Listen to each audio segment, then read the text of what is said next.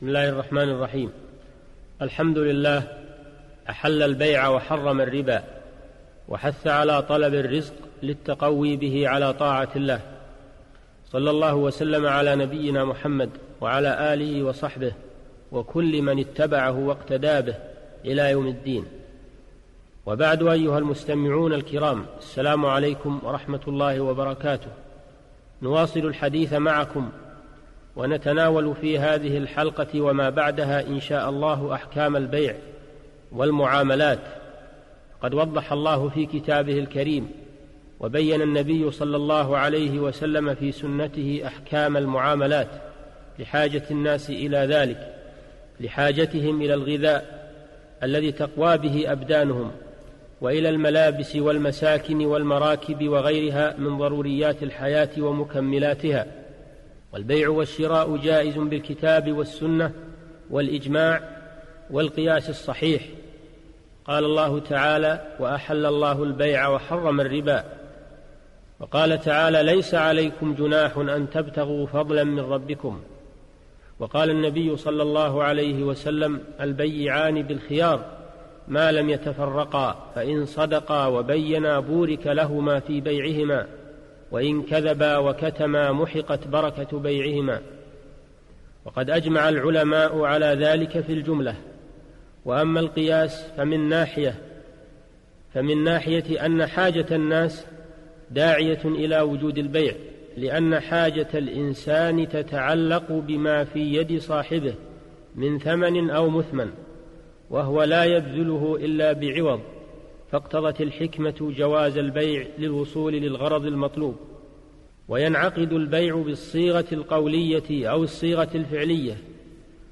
والصيغة القولية تتكون من الإيجاب وهو اللفظ الصادر من البائع كأن يقول بعت والقبول هو اللفظ الصادر من المشتري كأن يقول اشتريت. وأما الصيغة الفعلية فهي المعاطاة. التي تتكون من الأخذ والإعطاء كأن يدفع إليه السلعة فيدفع له ثمنها المعتاد من غير تلفظ وقد تكون الصيغة مركبة من القولية والفعلية معا. قال الشيخ تقي الدين رحمه الله بيع المعاطاة له صور. أحدها أن يصدر من البائع إيجاب لفظي فقط ومن المشتري أخذ فقط. كقوله خذ هذا الثوب بدينار فيأخذه. كذلك لو كان الثمن معينا مثل أن يقول خذ هذا الثوب بثوبك فيأخذه. الصورة الثانية أن يصدر من المشتري لفظ ومن البائع إعطاء سواء كان الثمن معينا أو مضمونا في الذمة. الثالثة أن لا يلفظ واحد منهما بل هناك عرف بوضع الثمن وأخذ المثمن. انتهى.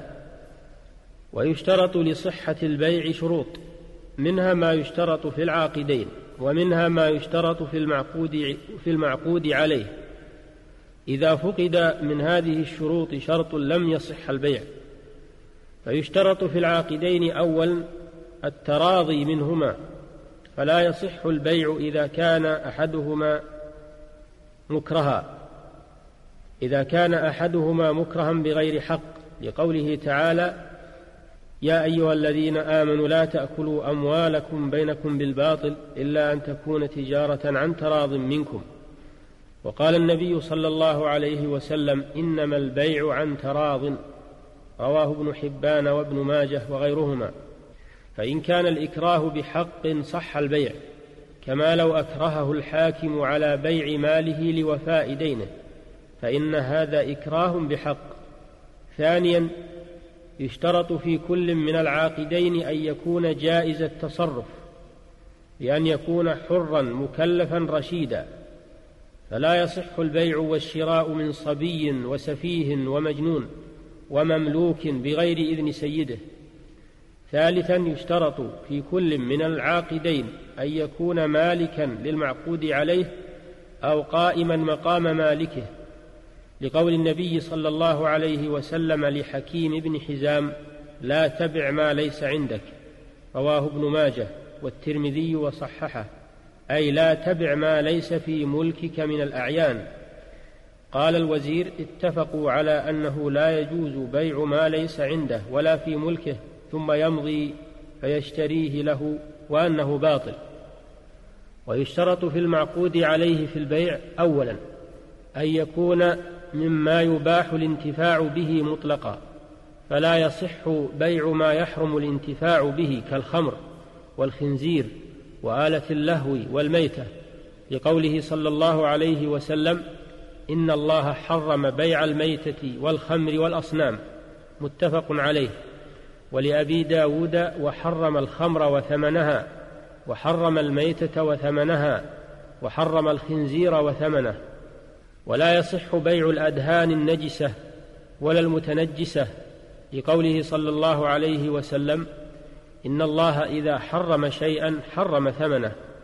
وفي المتفق عليه أرأيت شحوم الميتة فإنه تطلى بها السفن وتدهن بها الجلود ويستصبح بها الناس فقال لا هو حرام.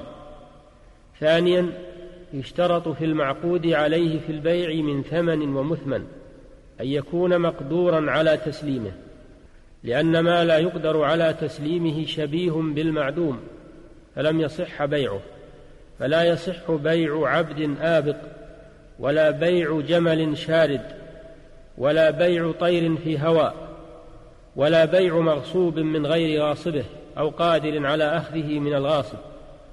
ثالثا يشترط في الثمن والمثمن أن يكون معلوما عند المتعاقدين قدرا وصفة لأن الجهالة غرر والغرر منهي عنه فلا يصح شراء ما لم يره أو رآه وجهله ولا يصح بيع حمل في بطن ولبن في ضرع منفردين عن أصليهما ولا يصح بيع الملامسة كأن يقول أي ثوب لمسته لمسته فهو عليك بكذا ولا بيع المنابذة. كأن يقول أي ثوب نبذته إلي أي طرحته فهو بكذا. لحديث أبي هريرة رضي الله عنه أن النبي صلى الله عليه وسلم نهى عن الملامسة والمنابذة. متفق عليه. ولا يصح بيع الحصاة. كقوله ارم هذه الحصاة. فعلى أي ثوب وقعت فهو لك بكذا أو إلى أي حد انتهت من الأرض فهو عليك بكذا. كل هذا حرام. أيها المستمع الكريم وإلى الحلقة القادمة إن شاء الله. السلام عليكم ورحمة الله وبركاته. والحمد لله رب العالمين. صلى الله وسلم على نبينا محمد وآله وصحبه أجمعين.